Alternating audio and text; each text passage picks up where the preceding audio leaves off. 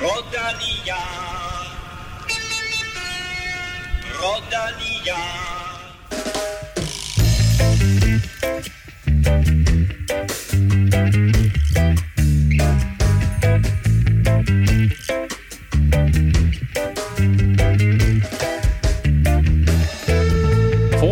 Er for alvor skudt i gang, selvom det ikke blev til meget dansk succes på de belgiske landeveje. Det kom så til gengæld i Spanien, hvor Jonas Vingegaard støvsugede Caminoen. Og med det, velkommen til mine to rengøringskoner, Kim Plesner og Stefan Johus. Og Kim, Tak, Vingegaard var suveræn i Ja. O Gran Camino, mens uh, UAE holdet UAE ikke som ventet fik den store succes i UAE Tour. Nej, de plejer at støvsuge godt igennem dernede, men øh, i seneste udsendelse der, der havde vi jo, at, at Adam Yates han måtte, måtte udgå med en hjernerystelse på den første bjergetappe, og øh, så, så lå det jo lidt til Brandon McNulty og Jay Vine, de havde masser af kort at, at spille, men øh, de blev så øh, syge øh, på den sidste etape, eller havde i hvert fald ikke rigtig noget at, at skyde med, og så var det ham, den unge Lennart van Etfeldt fra Lotto Destiny, som vi talte en del om sidste år, som sådan nyt klatretalent, der, der snød dem alle sammen og strøg, strøg til tops i det løb. Og så, lige, og så, og og så så vandt, vandt, vandt den sidste etape, kørte solo og vandt lige nøjagtigt med to sekunder. med to sekunder, og så ender det med, at Mikkel Bjerg, han faktisk bliver bedste UAE-rytter på en 15. plads. Han blev øh, sluppet løs til sidst. De havde ikke andre, andre at spille ud der, og han havde jo lavet det her vanvittige føringsarbejde på, på den første bjergetappe, så havde, havde egentlig kørt ret godt, øh, men det jo slet ikke hans terræn. Stefan, vi skal igennem øh, mange løb i dag, mm. øh, men lad os lige hurtigt runde Le Samin, som blev kørt i går tirsdag. Og så Lawrence Rex, øh, som jeg personligt ikke har den store øh, begreb om, hvem er, han vandt, men historien i går var vel Arno Delis. Ja, det var det. Han var jo måske også øh, stor favorit til, til løbet, som, som også skulle trække op til, til en spurt, men øh, der kommer på et tidspunkt, øh, hvor det begynder, og det er jo sådan lidt et hektisk løb, øh, det her. Øh, der, bliver sat, øh, der bliver sat mange angreb ind, og Uno X, de kommer lidt på arbejde for, for at trække den op til en spurt til, til Rasmus Tiller, men Arno Delis, han får en punktering, øh, skifter egentlig hurtigt cykel, og øh, formår faktisk også at komme tilbage til Contagion i hvert fald. Men øh, i Cortation, der, øh, der skal han så lige rundt om øh, en bil i et sving, øh, hvor Cortation sådan bremser lidt op, og så skal han udenom en bil, og så glider hans øh, cykel under ham i, i svinget der, og øh, ja, så blev historien, at øh, han fik sagt en masse dårlige Ja, ting det om løbet, og Uheldigt, at det bliver, op, eller det bliver fanget af, af mikrofonerne, ikke? Så, så, så alle, der sidder og ser tv, kan høre, at han siger, hvad fanden i helvede laver jeg også i det her lille lorteløb. Og når man kender lidt til de belgiske cykeltilhængere og sådan noget, så... Hvor det hører med til historien, at han havde ikke kørt kørende på ikke- kørende om søndagen. Præcis, og det, det var også det noget, vi talte om i optakten til den her weekend, at normalt så de spurtstærke ryttere prioriterer kørende frem for omløb i mindre grad nu, fordi der er blevet lavet nogle, nogle øh, ruteændringer, men stadigvæk er, de, er det sådan, de fleste skifter nogle sprinter ind til om søndagen. De gjorde det modsatte, Lotto, og havde Arno Delis kørte rigtig godt i omløb, fik ikke det resultat ud af det, som hans indsats måske var, er det var til. store målsætning jo egentlig, Præcis. som han havde meldt ud for lang tid siden. Ikke? At, Men så øh, hopper han så kørende over, som jo på papiret egentlig ligger bedre til ham, og så kører han Lesemin i stedet for. Og, og det var der så også ret mange, der tænkte, hvorfor gør du det? Og øh, når han så selv står og siger det der, så, så, så fik han sådan, i hvert fald også på de sociale medier, lidt på puklen og sådan, hey, rolig nu, ikke? Øh, så stor en rytter er du heller ikke. Og, og, og det der med at tale ned til de her belgiske semiklassikere over for et belgisk publikum, som elsker deres cykelløb, det er altså ikke det smarteste at gøre, hvis man vil vinde øh, popularitetskonkurrencer i hvert fald. Men det så- tror jeg heller ikke, han er Og så hele det. Stefan, også med, at han, ja, han styrter, han glider, og ingen tvivl om, at han slår sig, og han glider ind i en kantsten ja, Ja, ja. eller andet. Det ved jeg om nogen, at det kan gå ondt. øh, men han rejser sig trods alt op, og der kommer en sonjør med en cykel til ham.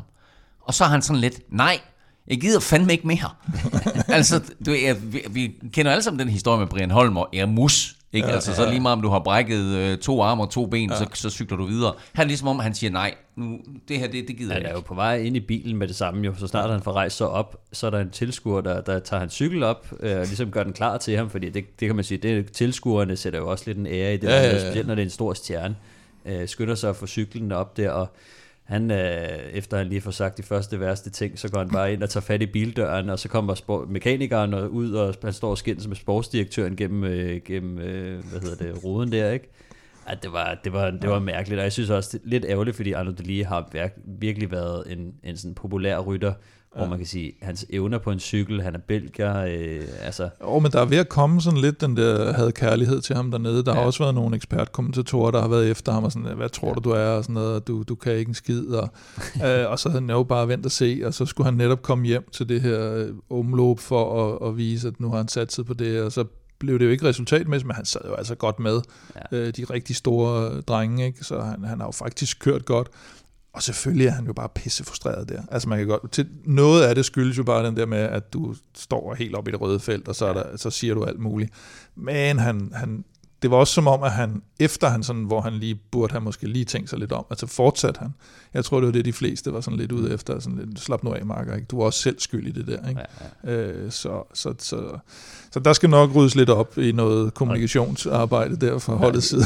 og fra holdets side, både Arne Dulie og sportsdirektøren er ude og base kommissærbilen, fordi ja. at de mener, at øh, det var dumt, at de bremsede op i et sving, og det kan man også sige, hvis, de, hvis det er noget, hvis det er en bevidst handling, mm. så er det dumt.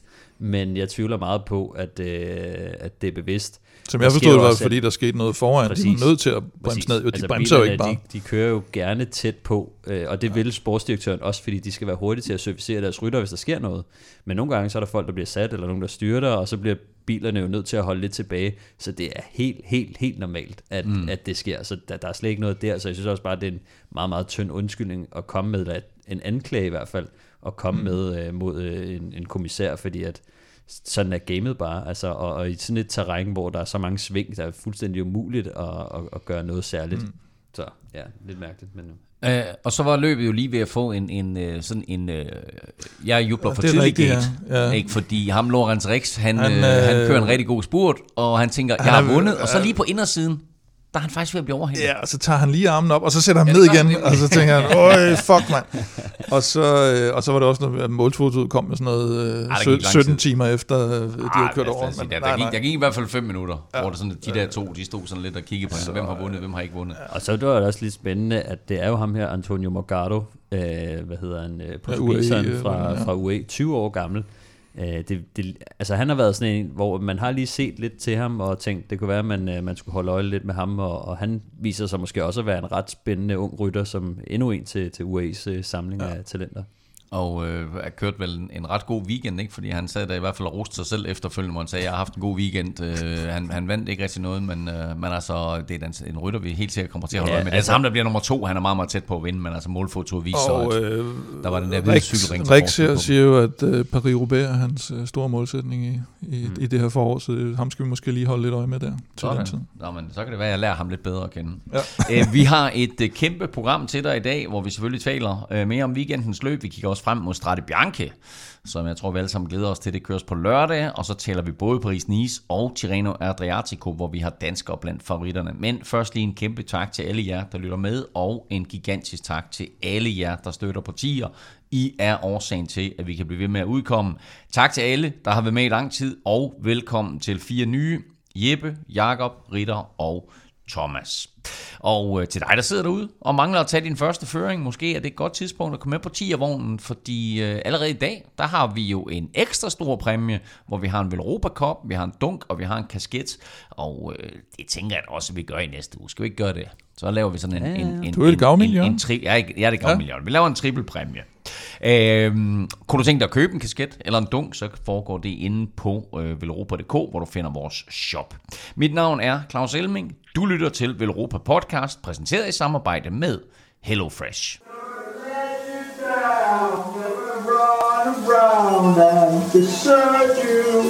Never gonna make you cry, never gonna say goodbye, never gonna tell a lie and hurt you. Denne smukke stemme, du hører det her, tilhører Mathias Skelmose, og øh, hvorfor han står og synger i badet, som du tydeligvis kan høre her, det får du forklaring på øh, lige om lidt. Men først, så lægger vi ud med to af de løb, så han var med i, i weekenden, nemlig øh, de to semiklassikere i Ardèche og i Drome. Og i modsætning, Kim, øh, til UAE-ture, hvor UAE ikke havde øh, nogen større succes, så blev det da til succes i det franske UAE-mandskabet. Ja, det må man virkelig sige. De, øh, de tog fuld plade dernede, og i Adesh, der, der vinder de med, med Juan Ayuso, som øh, kom til mål med blandt andet sine to rivaler for Schweiz rundt sidste år, Felix Gall og, og Mathias Skelmose. og, øh, og så den talentfulde Roman Gregoire, der, der snuppede andenpladsen efter Ayuso og foran, og foran Skelmose. Og så var Skelmose jo også med fremme øh, søndag i øh, Drome Classic, men øh, igen så måtte han altså lige se UAE øh, løbe med sejren. Ja, han, han fik lidt problemer med at hænge med. Han blev, han blev sat en lille smule på den sidste stigning, og så kommer, øh, så kommer Mark Hirschi op til frontgruppen, hvor øh, Ayuso sidder. Og, øh, og, og det, der kunne man godt sådan lidt fornemme, at, øh, at den dobbelt, den vil blive afgørende deroppe. Og, og Josu havde jo sagt, at han ville gå efter sejren også søndag, men på et tidspunkt så stikker, jeg tror det faktisk det er første gang, at der er en, der forsøger at stikke af, og det er Mark Hirschi, og så sidder de andre sådan lidt og tænker, mm. jeg gider fandme ikke at køre mm. Op til ham, vel, fordi så kører du ham bare frem til en sikker sejr, og så, så når først han får et, bare et lille hul, Mark Hirschi der. Så, øh, Men vi snakkede jo, var det, bragte du ikke Mark Hirschi på banen i sidste uge? Du han er med det, på, det var en af dem, man skulle holde han øje med. med. på listen, jo. Ja. Øh, så øh, det... Så allerede bonus der. Sammen med Lawrence Rix, ja. jeg, synes, jeg mindes ikke, du sagde Lorenz Rix i sidste jeg, uge. jeg lagde dem jo også op på, på Twitter, og så sådan, jamen, hvad med ham? Og så bare sådan lidt, jamen, der må jo kun være 10. Altså, man kan, jeg kunne godt have sagt der må 50 kun være 10. rytter. Du kom med 15 i hvert fald i sidste uge på begge lister. Nej, så skal jeg jeg, kom også med 10. lige, Ja, der. Ja, altså, så sagde du, så skal jeg også lige nævne sådan og sådan og Nå, sådan. ja, ja. Honorable mention, det, det skal man best også. of Honorable special. mention. Nå, ja, men det er altså- ligesom i quizzen. Først er Juso, og så Hirschi, og jeg må indrømme, altså ja. det er den, den måde, der Hirschi han vinder på.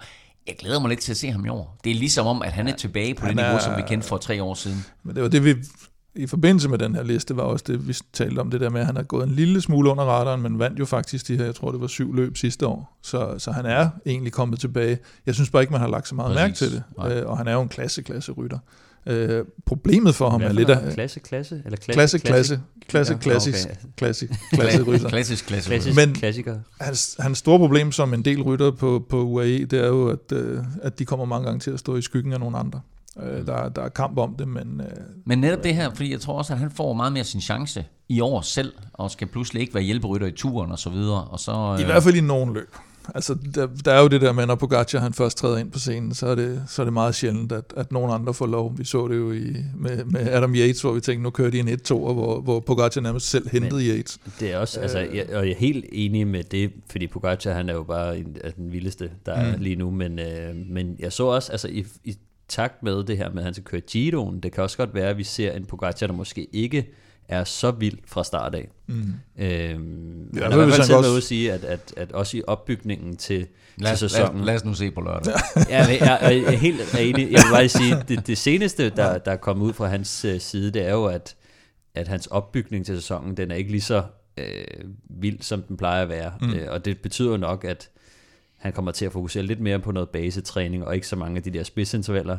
Men jeg, jeg kan heller ikke rigtig se det for mig, at øh, han ikke kommer til at lave Så vi skal have en ny måneds t-shirt, der hedder Defensiv Pogacar. Ja, Kommer aldrig til at ske. Sagde ingen. Men top 10 placering til Mathias Skelmose, både lørdag og ja. søndag, og øh, når vi tæller Skelmose, så taler vi jo nærmest altid øh, top Altid 10 top 10. placeringer. Ikke? Var han ikke den rytter sidste år, der havde flest top 10 placeringer af alle Jo. i hele feltet? Øh, og med det i mente, så tænk Little Trek, ham her, han kan sgu godt køre på cykel. Ham giver vi en ny kontrakt. Og synge. Ja, Og synge ja, også. og synge også. ja, han har, øh, han har skrevet under på en øh, kontraktforlængelse. Hans øh, kontrakt øh, gik jo ikke længere end til 2024, og øh, der er de så tidligt ude og skrive under med, øh, med Skelmos igen til og med øh, 2026. Så, øh, så han får øh, et par år øh, mere, og han virker jo også rigtig tilfreds på holdet. Øh, de mm. tror rigtig meget på ham. De har en langsigtet plan med ham. Han har et super godt samarbejde med, med Kim Andersen, og så, så tror jeg også bare, altså Skilmos, han er jo så lojal en person, at øh, hvis du først har altså, givet ham noget, så, så betaler han også bare godt tilbage, og med tilgangen af, af Little, øh, hvor de også har fået flere penge, så bliver det, kan man sige, også et mindre problem at betale en, kan man sige, en, en ung stjerne, som jo ofte skal have øh, lidt ekstra i posen for at, for at blive der, fordi at han kunne have skiftet til, til et hvilket som helst øh, hold, øh, og måske få en lille smule mere, men Little kommer ligesom ind og løser det problem, fordi mm. at øh, de begynder jo at have Theo Guggenhardt, Mads P., der er også andre på holdet, så, så det var nødvendigt, hvis de skulle blive ved med at, at beholde på, på deres bedste rytter. Og øh, har du lyst til at se de tilhørende billeder til øh, den her skønsang af Mathias Gjelmose, så ligger det altså inde på hans Instagram-profil. Øh, og den kan du enten finde på Insta, eller du kan bare google øh, Skelmose, Never Gonna Give You Up, og så kommer det frem der. Så bliver du Rick Roll. Præcis. Vi skal øh, snakke Jonas Vingegaard lige om lidt, men først, der skal vi...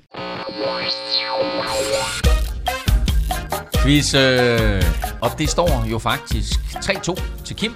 Farligt Og, og du har faktisk også øh, serveretten. Jeg har serveren, det er det vigtigste. Og den er vigtig i dag, fordi Nå. i dag skal vi simpelthen have en klassisk last man standing. Sådan. Godt. Uha. Og jeg håber, jeg forbereder jer på Strate Bianca. Nej, Ej, ikke igen. Så det eneste det Hvem har vundet spørgsmål to er gange? simpelthen bare, altså last man standing her er, hvilke nationer har vundet Strate Bianca? det har vi haft før. Det kan da godt være, men Jeg havde den altså, sidste år. øh, Det, det er da, det, det er da jeg. ikke umuligt, vi havde den sidste år, så må I se, om I kan huske den jo. Jeg kan da ikke huske, hvad vi havde quiz sidste år. Ikke? Jeg Det er laver, jeg laver kort. 50 quizzer til jer om året, de 30 af dem fejlbehæftet, så har der været masser af muligheder for at rette op på det. Jeg kan ikke huske så kort tilbage. Nej, præcis. Last man standing. Nationer, der har vundet Strade Bianca. Ja. Er spørgsmålet forstået? Ja, tak. Så har jeg kun én ting til jer to. Og dig, der sidder og lytter med. Lad nu være med at google. Ikke en Veloropa podcast uden en dansk sejr. Og sådan der fire af dem. Alle godt nok leveret af Jonas Vingegaard, og alle i løbet O Gran Camino, hvor han for andet år i træk hæv fuld plade hjem. Altså, hvis man lige ser bort til fra den der enkeltstart, det kan vi lige vende tilbage til. Men altså imponerende, at Vingegaard gik. Ja, som jo ikke var en rigtig etape, fordi den ikke galt noget, så der kørte, de ikke, øh, der kørte han ikke fuld gas. Men nej, øh, han vinder øh, to år i træk. I år var en større bedrift, synes jeg, fordi modstanden var klart hårdere i år, og han gjorde det om end endnu mere øh, sindssygt overlegen, end han gjorde sidste år, endda med, med hårde modstandere som Egan Bernal og Lenny Martinez, som jo altså ikke er, er nogen dårlige cykelrytter, og, og specielt på den her tredje etape bliver det vel, øh, som øh, ikke sådan lå super meget til ham, så slutter med en nedkørsel, Mm. der går han også bare fuldt ud, og det er regnvejr og våde, eller semivåde veje nedad, og Ja. man kan sige, hvorfor tage risiko der og sådan noget. Men han kører, han kører fuld gas på det, han, øh, hvad er han er blevet sur over, at han ikke blev over cykelrytter i Danmark? eller Vi noget? taler altid om hans evner opad, øh, og er imponeret over dem. Altså, nu har vi set det mange gange efterhånden, at han er en verdensklasse nedkører. Jo, men han er blevet han er jo også udviklet sig markant, fordi dengang han sætter Pogacar på Mont Ventoux, og vi tænker, hold da op, hvad sker der der? Der bliver han jo hentet til sidst, fordi han ikke kører hurtigt nok nedad, Mm. fordi den ikke slutter op på, på Mont Ventoux, hvor man tænker, okay, hvis den var sluttet derop, så, øh, så havde han jo vundet den. Så, eller så han havde haft et tidsforspring til, til, til Pogacar, og det, det sætter han altså over styr på nedkørslen. Så det er han blevet væsentligt bedre til, ligesom han er blevet væsentligt bedre til at køre enkeltstart, må man sige. Jeg synes også, der var nogle historier på et tidspunkt om, at han skulle, øh, altså, de skulle øve noget mere nedkørsel, og han skulle. Mm. køre sammen med Wout van Aert og sådan nogle ting. Øh, så jeg tror også, det har været et af de områder, som de ligesom har tænkt, okay, den er, den er nemmere øh, at forbedre sig på, end det er at blive bedre til, som bjergrytter i hvert fald. Altså, det Ja, ja, der er kræver ikke så meget mindre øh, træning og, og arbejde, så, Mm. så det, men det kan man virkelig se. lidt større altså. coronas. Ja, det gør det, men altså, jeg tror også, altså, det, det, det betyder bare ekstremt meget. Altså, nu er det jo længe siden, vi så øh, Paolo Savoldelli, som, øh, Mm. som jo altså, udmærkede sig virkelig i, i nedkørslerne, og øh, vandt jo en Giro. Selvfølgelig på, at han var en god bjergrytter, men, øh, men han var eddermame med den, den skarpeste på, øh, på nedkørslerne. Mm. Så, men øh, men det, det er fedt at se, og han, han satsede virkelig, men han skulle jo også satse, hvis han skulle sætte ham her, øh, hvad hedder han, Castrillo eller sådan noget øhm, som, øh, som også var med derude fra et, øh, fra et tidligere udbrud. Han blev sat på nedkørslen af Jonas, så det, og han kørte dårligt man Jonas sætter alle de andre favoritter opad. Ja. Så mangler han lige Castrillo. Kører Ja. op til ham. Eller kører ned til ham, om man vil, ja. på nedkørslen.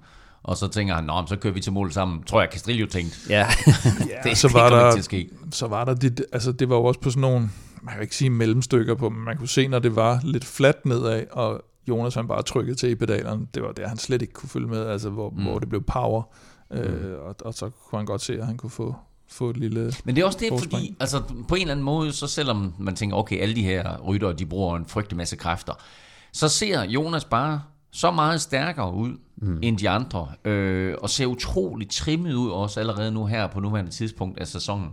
Øh, så når han først beslutter sig for at angribe, altså så er der virkelig bund i det, og så hvis det ikke lige lykkes første gang, så lykkes det anden gang, og lykkes det heller ikke anden gang, altså så er der ingen, der sidder med ham tredje gang. Hvor, hvor, hvor ser du ham lige nu, Stefan?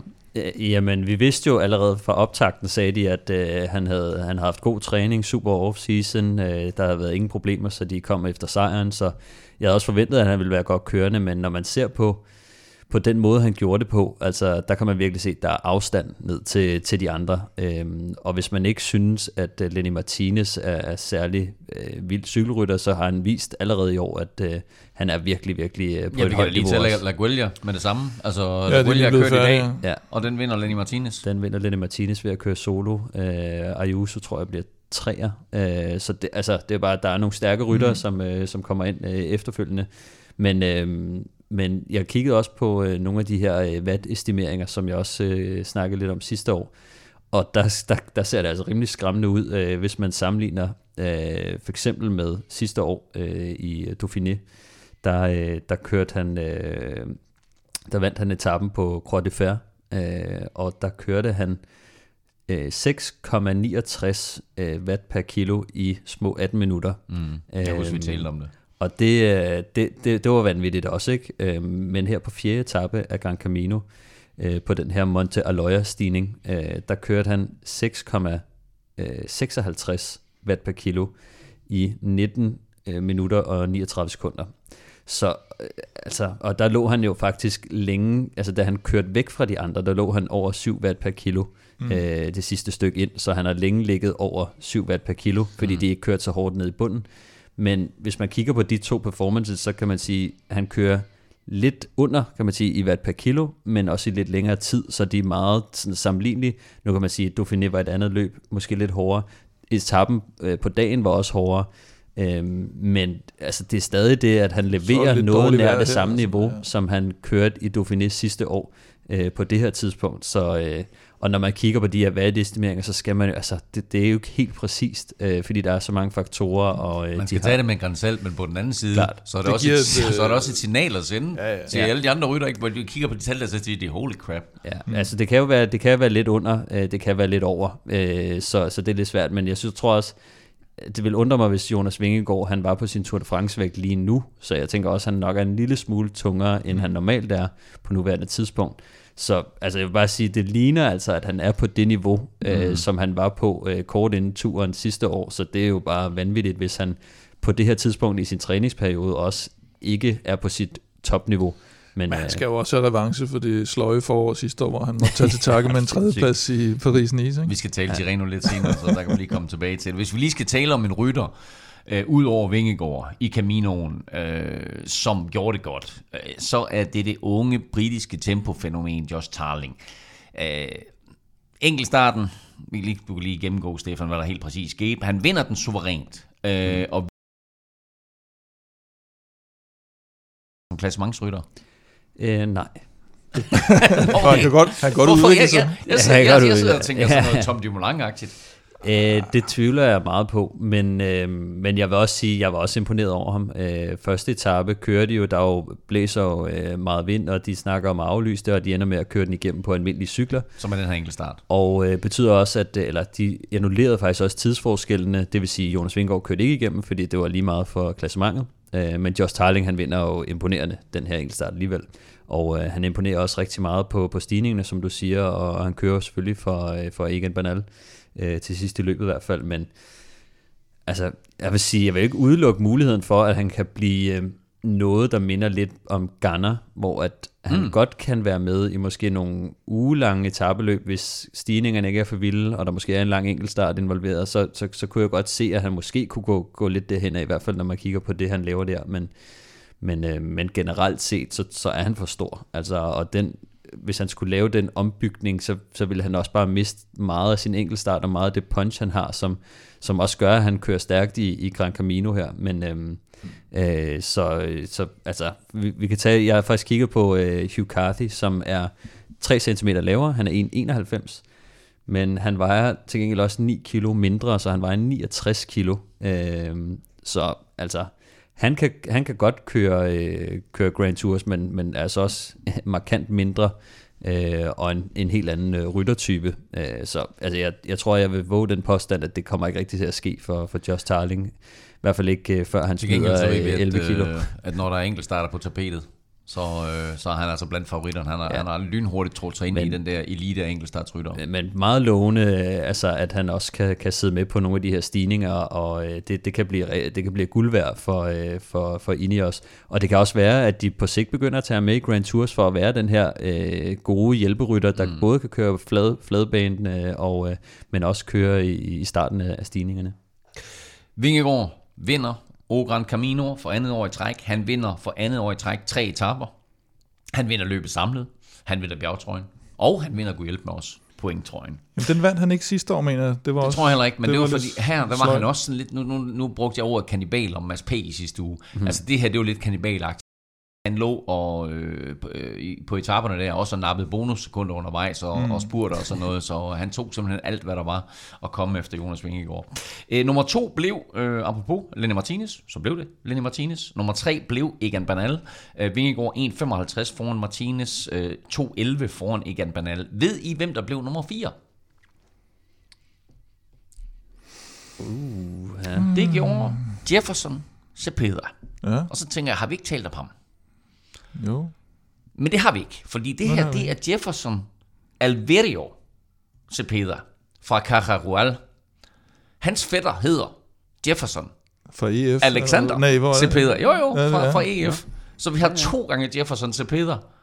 Øh, begge to fra... Det er ikke bare en, der har skiftet Ja. hold. Begge to fra Ecuador.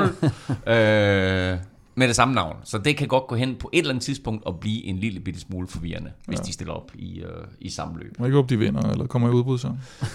det kan godt gå ind, altså. Ja, anyway.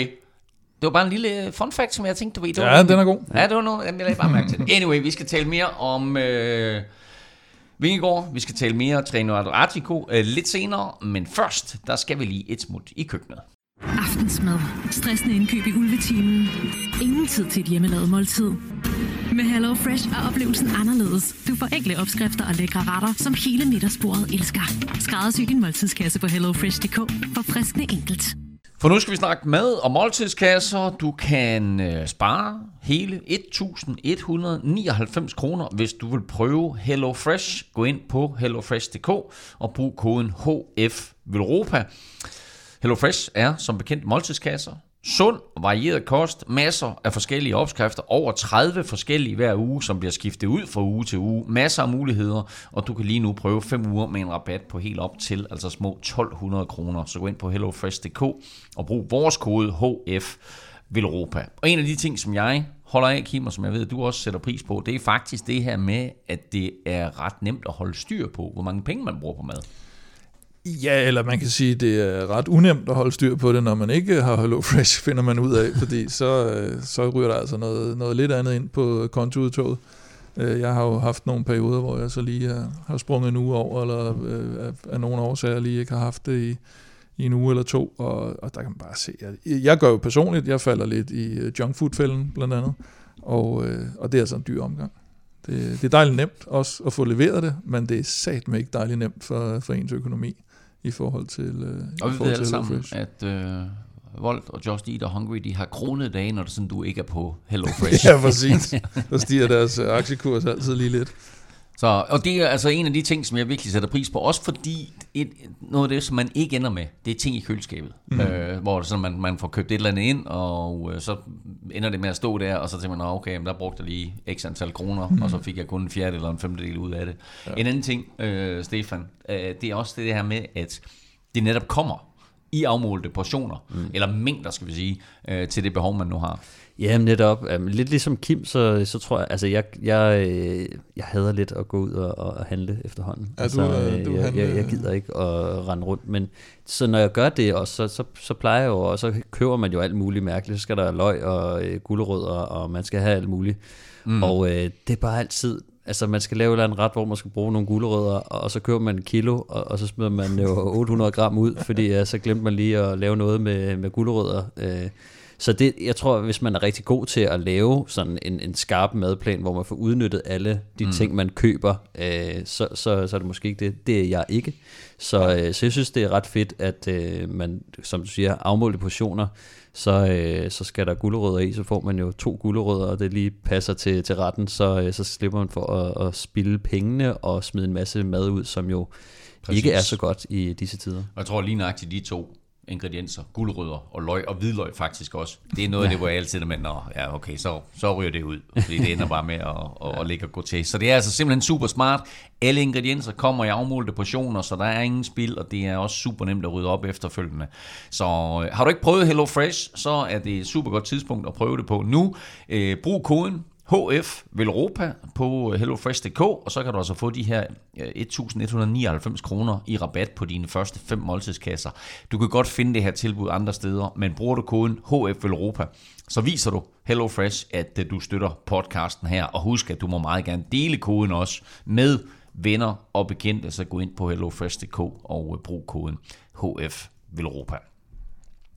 Forårssæsonen blev sådan for alvor skudt i gang mm. lørdag, øh, hvor de belgiske landeveje og Brosten havde besøg af feltet. Og lad os bare slå fast med det samme, at det blev en uh, total Visma-succes, øh, Visma Lisa Bike-succes, da de både vandt omlop på et newsblad om lørdagen og kørende Bruxelles kørende om øh, søndagen. Og lad os lige lægge ud med lørdagens omlop, hvor, hvor Visma jo øh, fik tre mand med i et seksmands udbrud. Mm. Øh, og selvom det ikke blev helt afgørende, så var det alligevel med til at åbne løbet op. Og til sidst, så blev det faktisk en helt fjerde, hvis man rytter der vandt. Ja, og, og på en eller anden måde vandt de jo med, med på en måde, der var sådan, hvad skal man sige, Lad os mindre sikker. Fast, det var Jan Tratnik. Han var ikke træt nok. Den glemte slovener, der vandt. Han var ikke træt nok, nej. Øh, så han, øh, så han, han kørte ind og, og tog sejren. Men, men han havner jo i en, øh, i en duel med Niels Pollitt, og begge to er i gåsøjne friske, fordi de har, de har siddet nede i feltet øh, det meste af dagen. Så hvis man kan være frisk i et, et, et løb som omløb. Så på, på en eller anden måde var det jo et, et lidt større lotteri at have ham ude i en en, duel, en til en duel med, med en, en stærk rytter som, som Niels Pollitt, end at have tre ud af seks i en, øh, en frontgruppe. Så, så det endte egentlig med, øh, på trods af deres dominans, på trods af deres gør løbet hårdt fra start, så endte det egentlig en lille smule overraskende med, at det, det hele blev samlet der igen. Der var ikke rigtig nogen, der kunne, der kunne holde den hjem fra, øh, fra hvad hedder den, øh, Gerts, Gertsbergen, ja. øh, Bosberg øh, øh, afslutningen der. Så, øh, så, så klar dominans, men, men øh, de fik, og så fik de jo i øvrigt nærmest sejren foræret til sidst, fordi Pollitt besluttede sig for at, at, at køre en kilometer lead-out for, øh, for Jan Tratning. Ikke? Ah, men jeg tror også, at man ser på de to rytter, ikke? altså uh, Pollitt stor motor, men altså skal de i en direkte spurt, så ved man også godt, at Tratning kan vinder. Ja, det ved jeg ikke. Askren har også engang overspurtet. Det er ikke Pole, ikke? Så ja. jeg vil sige, at jeg, jeg undrer mig lidt over, at han ikke tog chancen i hvert fald, men han siger jo bagefter, at jeg havde heller ikke regnet med at kunne vinde, men altså, du vinder i hvert fald ikke, hvis ikke du prøver, mm-hmm. kan man sige. Og det er klart, at, at han havde nok ikke været stor favorit til at, at, at, at tage spurten, men, men, men også sige, altså, det set, vi taler jo, ja. eller jeg har bragt det op nogle gange i hvert fald, det her med, at der er to ryttere, som ved, at hvis de kører for hinanden, eller kører sammen, så kommer de ind og bliver et to. Mm. Og så går der nogle gange taktik i det, og så bliver de hentet, og så ender de som nummer 18 og nummer 19. Uh, øh, her der kører de trods alt og siger, jo, ja, jamen, altså, ja, ja, ja. altså du ved, man kan sige om Niels Pollitt, jamen altså, er der noget ved for ham at have en anden plads i omlop på CV'et, øh, frem for en 19. plads? Men Eller hvem er, det kun, er, det, er det kun at vinde, der tæller? Men hvem er det, der har alt presse? Det er jo Visma. Altså, det er jo, hvis forestiller at de... Jamen, jamen det er, altså, han, er sgu da, han, er, han er da personligt ligeglad med presse på Visma. Jeg spørger, altså, mit spørgsmål går på, det er Stefan, du er nok bedre til at svare på det, for man heller ikke. er det vigtigere for Niels Pollitt at have en anden plads i omlop på CV'et, end at han måske, måske ikke får en minimal chance for at vinde, og så ja. hvis han kører, kører taktisk, så bliver han nummer 19. Jeg vil sige, man plejer jo at køre cykelløbet lidt. Der er jo en historik, øh, kan man sige, i cykelløbet. Ikke? Han har været presset i bund hele dagen og været på bagkant og, og kommer tilbage til fronten. Øhm, han ved jo også godt på det tidspunkt, det er ham, der angriber, han får Tratnik med, og så ved han jo godt, at Visma de har domineret det her cykelløb, hvis jeg ikke fører, øh, altså han kunne, Tratnik kunne med rette bare sætte sig på dæk og sige, jamen, altså, jeg skal ikke nogen steder, fordi jeg har Wout van Aert og Laporte bagved. Øh, men i den her situation, så tror jeg, Pollitt, han, han tænker, en anden plads er da langt bedre, mm. end den situation, jeg sad i for 20 minutter siden. Absolut. Og, og der tror jeg bare, at han, altså, han, vil, han ved også godt, at hvis han kører ind med feltet, så bliver han heller ikke noget. Mm. Så det er jo hans chance for et resultat på dagen af, af altså en anden plads. Hvis, han, hvis 13 ikke han på et eller andet vis er færdig, så er der måske en 10%, øh, 20% chance for, at han, han måske også vinder. Øh, så jeg synes, det, det, det er egentlig fair nok, selvom jeg også kan forstå, at der er mange, der har den der, øh, det er kun sejren, der tæller, og som tilskuer synes man, det er lidt fæsent at se på en, der ikke kører efter sejren, fordi så, så er cykelløbet slut i bund og grund. Ikke? Ja, men jeg synes måske også, det er fordi, at det er en, en rytter af Polis kaliber trods alt. Altså han er, blevet, han er ikke blevet to i Roubaix også, tror jeg. Ja. Og det vil sige, han har, altså det er jo ikke fordi, han ikke har en anden plads i et stort løb. Det er sådan lidt, hvordan kommer du videre for det? Ligesom med Valgren, han bliver sådan lidt snydt, at han ikke har is nok i maven den første gang med Amsel, og så lærer han det til næste gang. Øh, så kunne han også bare have sagt, at jeg kører efter endnu en anden plads. Så jeg synes, hvis det nu havde været en nobody, der havde siddet med Tratnik, helt klart, lad os komme hjem, lad os få den anden plads, mit største resultat nogensinde. Hvis du har en anden plads for Rio B, så er det ikke bedre at blive nummer to i, i omløb. Så er, det, så er du pointrytter, altså så går du efter kom godt fra start. Det, det, er, det, det betyder noget, ny, at, komme, betyder noget at, blive, noget. at komme på podiet i, i en klassiker som, som omløb. Altså, det er et stort resultat. Mm. Og hvis Pollitt han kunne have solgt den inden løbet startede, så havde han også gjort det. Ja. Altså, det, der, der, der er stor forskel på klasserytter, og så for eksempel der, hvor Mads P. er. Fordi Mads P., han er med rette, altså han er jo en top 5 klassiker rytter, mm. så de skal gå efter sejren. Pollitt ryger jo lidt længere ud af det, og han har heller ikke haft de der vanvittige perioder som cykelrytter, hvor han bare har knust alt modstand. Mm. Øhm, så, så i den situation, så tror jeg både han og, og UAE-holdet er, er mere end lykkelige for, for den anden plads. Selvom den måde, det slutter på, der kan man godt sidde og være han lidt var kritisk overfor. Ikke? Han var lidt gavmild. Han ja, jeg synes godt, han kunne... Jeg, jeg, vil også, jeg er også enig i, at, at jeg synes, at han skulle have, han skulle have gået lidt hårdt til, til Tratnik. Altså, øh, og, ja. det, altså, hvis det var mig, der sad som cykelrytter og kørte den finale, så havde jeg taget en, en ordentlig føring til at åbne hullet op og så havde jeg begyndt at, at svine ham til for at altså, det er, og, og, og du ved, fordi at, så, så vil jeg jo sige, at øh, altså, hvad fanden, Tratnik, han sidder jo også i en position, hvor at han er også interesseret i, at de kommer hjem. Selvfølgelig. Så, altså, så som, som, i hans position, så kan han jo godt sige, at jeg har øh, favoritterne bagved, det her, det er dit angreb, det er din øh, opgave at køre den hjem. Men hvis man kigger på det egoistisk set, så er han jo også interesseret i at gøre noget. Og ja, han og tog også, også nogle føringer jo så. Man kan også sige, at i det, det var blevet så samlet, som det var bagved, så var den jo ikke ja. givet, at de ville få sejren, hvis de kom hjem, øh, hvis de lod sig falde tilbage, og så det bare nej, blev, en, blev en spurt. Nu fik de selvfølgelig tredjepladsen, øh, men, men der bliver jo ikke kørt så hårdt om en tredjeplads, som, som hvis det havde været sejren, mm. de havde kørt om. Men man kan også sige, at jeg synes også bare, at altså, Polly, han kommer heller ikke rigtig til at vinde nogen løb, hvis han går ind med den der eneste. Altså, han kan ja, ikke, han det kan er meget svært for ham der, at vinde et cykelløb ja. i bund og grund, altså i det hele taget. Altså, øh, fordi at han, han skal køre på et hold som Visma, eller have nogle holdkammerater med sig, hvor han kan blive sendt ud øh, som enkeltrytter, eller, eller måske have nogle øh, dårlige, altså god en dårligere rytter med sig, mm. for, for at have en chance, men som det udspiller sig, så synes jeg, at det, det er flot kørt af ham, altså, og, og det, jeg, jeg synes ikke, man kan blame ham for ikke at, at gå efter mere, mm.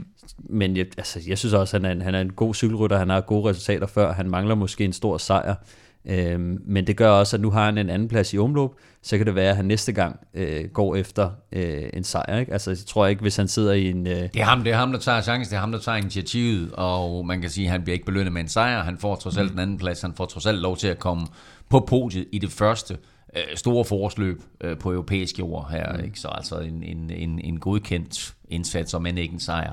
Til gengæld så har... Øh, Jumbo Visma, nu Visma Lisa Bike, vundet omløb tre år i træk øh, med tre forskellige ryttere. Begynder det sådan at blive lidt for ensformigt? Lidt for nemt måske endda? Nej, det synes jeg ikke. Øh, det synes jeg bestemt ikke. Altså, øh, jeg synes, i starten af sæsonen, så, øh, så kan man hurtigt komme til at se, se lidt dum ud. Altså, øh, fordi at mange kommer fra træningslejre, de har ikke kørt cykelløb før, de har måske ikke rytmen i benene.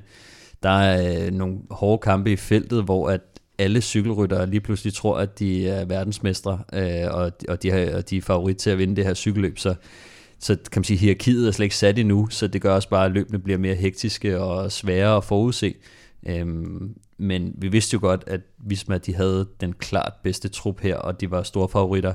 Der var noget sidevind, de kunne udnytte som hold, og de kunne sidde og sende øh, nogle, øh, nogle, nogle rytter øh, afsted øh, og få de andre til at, til at arbejde lidt mere, men jeg synes ikke, at de får sat de andre sådan grundigt på plads. Øh, jeg synes faktisk ikke, at, at det var så sikkert, som, som, øh, som det egentlig virkede til at være. Mm. Jeg synes, der var på Beendris, der kører Tom Skuins afsted, og sætter dem på hælene. Ja. Øh, Wout van Aert, øh, Wout van Aert kører efter, og så kan man sige, vil han, altså... Jamen, han må nærmest opgive, Wout van Aert. Ja. Altså, han kører efter, og så trækker han sig. Mm. Skuinson stopper også på toppen. Jeg ved ikke, hvad fanden han tænkte. Øh, jeg skulle bare lige men, mærke øh, ja, men, men, men altså, han stopper med at køre. Ellers så kunne han jo nærmest have kørt, øh, kørt afsted med Wout van Aert. Øh, ja. Og så har han fået en anden plads. Men, ja. Øh, det er bedre end det, han fik. Ja, ja, men, altså, øh, men jeg synes også, altså i, i sidste ende, så ender Jumbo Visma med at slå en handel af, der hedder, vi tager den chance, der hedder Tratnik mod Pollitt. Ja. Og det synes jeg ikke nødvendigvis er, øh, er en kæmpe stor favorit som hold værdigt. Altså, ja. eller værdigt ved jeg ikke, men det er ikke sådan, at man siger, den aftale, den tager vi any day. De tager den, altså, når, når, når de smadrer alle de andre, så sender de Laporte eller Wout van Aert alene afsted, og så kører de hjem. Altså, sådan, ja, eller det, de kører i overtal, ikke?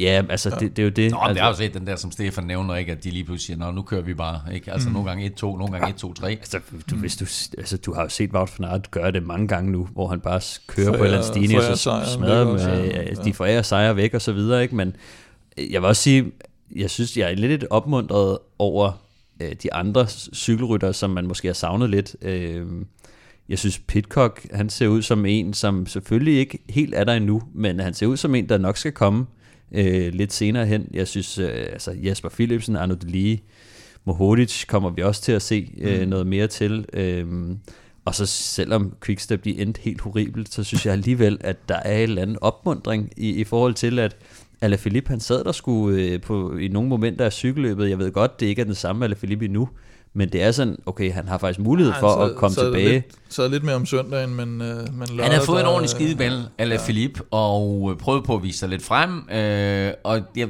vi har nogle gange talt lidt om, at han er sådan lidt damp, og måske ikke sådan helt holder øje med, hvad der foregår på cyklen. Og jeg ved ikke, om det var hans skyld.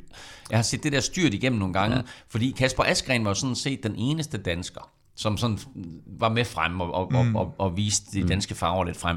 Men han ender med at udgå efter et styrt, hvor det er ligesom om, at er det Alain Philippes skyld, eller hvad sker der sådan helt præcis? Det ser ud som om, han er den første ved den der helle, de ligesom kommer til at køre, det ser ud som om, de kommer til at køre ind i den, så er Seneschal, som jo er skiftet væk fra Quickstep, øh, de var holdkammerater alle tre sidste år, og så er Askren, de, de ligger der, og Seneschal må udgå med, med bræk kravben i øvrigt, øh, som var den, der kom alvorligt til skade. De to andre stiller op i, i kørende dagen efter.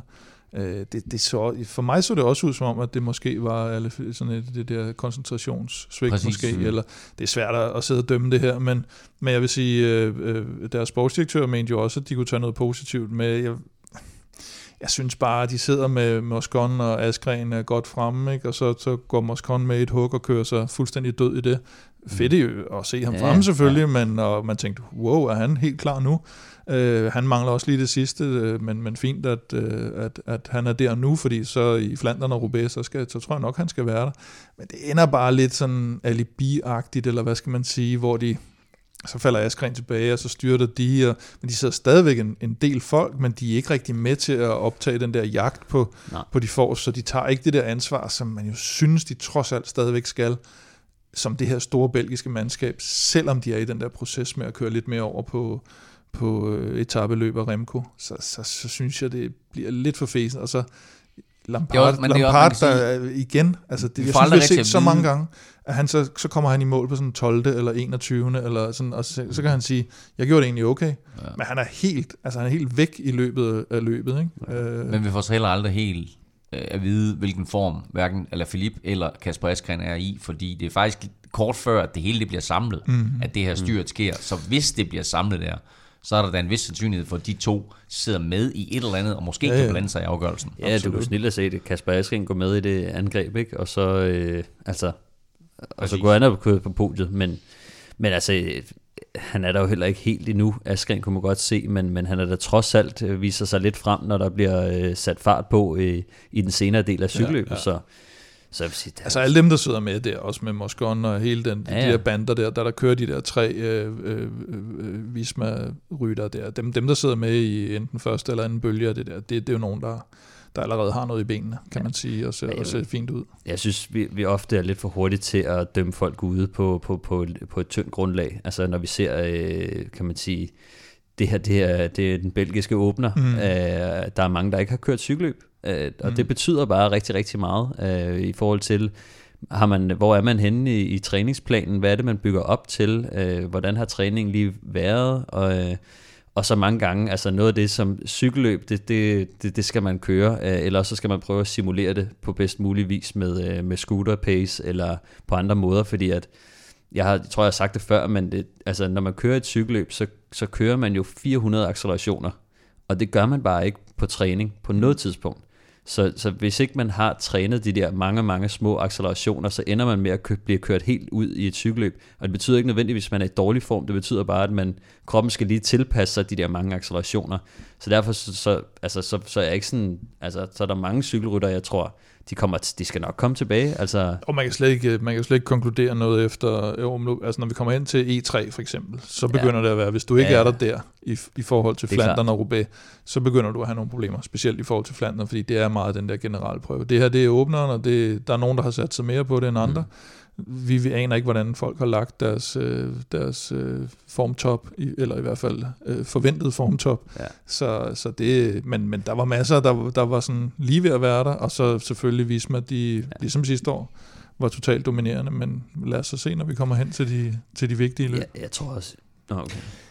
Vi, øh, vi kan tale meget mere om, om det her. Jeg vil bare lige sige til sidst, at Jan Tratnik han vandt to sejre sidste år. Det var begge to holdtidskørsler. Så øh, nu her, der har han altså flere individuelle sejre i 2024, end han havde øh, hele sidste år. Han vinder som sagt foran Niels Pollitt, og så med Wout van Aert på tredje plads. Vi er nødt til lige at nævne, at EF var helt væk. Altså, det er ikke noget, vi skal sidde og diskutere eller, eller Så har du analysere. fået... Ja, De var der bare slet ikke. godt. Så det vil du gerne sige der. Det vil jeg bare godt lige sige. Skide godt. EF var helt væk. Kæmpe stærkt hold var helt væk. Sådan, godt. Ham der, Wout van Aert, han tog ikke til takke med tredjepladsen dagen efter, fordi den stærke Belgier, han vandt kørende, Bruxelles kørende, og det gjorde han nærmest i overlegen stil. Ja, det var næsten så det blev kedeligt. altså i forhold til omløb, øh, der, der blev det et lidt låst løb, eller hvad skal man sige, det blev, det blev afgjort, øh, i hvert fald, eller i hvert fald en stillingskrig langt udefra, og afgjort langt udefra. Og, øh, og der var slet ikke nogen tvivl om, nærmest øh, da man så, at han kom afsted der, at, at, at så ville han vinde den. Han har vundet ni forskellige klassikere og semiklassikere nu. Altså ni forskellige. Men, øh, Det var hans første kørende. men, Han kørte, er- og så har, vandt han. Og han har stadig, men han har stadig kun ét monument, og det er Milano Sanremo, og det var sommerudgaven af den. Så han har ikke vundet et monument på, på det rigtige termin, kan man sige nu. Mm. og det er jo vildt nok, og han mangler altså både Flandern og Roubaix, som jo er de, de to store, han virkelig går efter. Så, men, men en ekstrem bredde ellers på, på, på resultaterne, må man sige.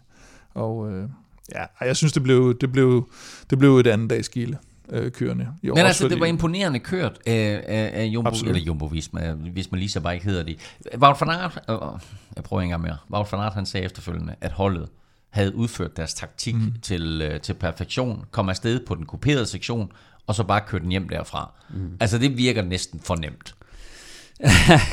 ja, det, igen, så synes jeg ikke, at, øh, at det, det, altså jeg synes, de leverer taktikken i, at de skal have smidt sprinterne og skabt en, en situation, hvor at, at de, de selv kommer, kommer ud i et udbrud, som bliver svært at hente for eventuelle sprinterhold eller sprinter. Øh, Den, den lykkes, og det kan godt være svært i kørende, hvor der nærmest er 80 km øh, flat hjem efter, efter den kuperede sektion.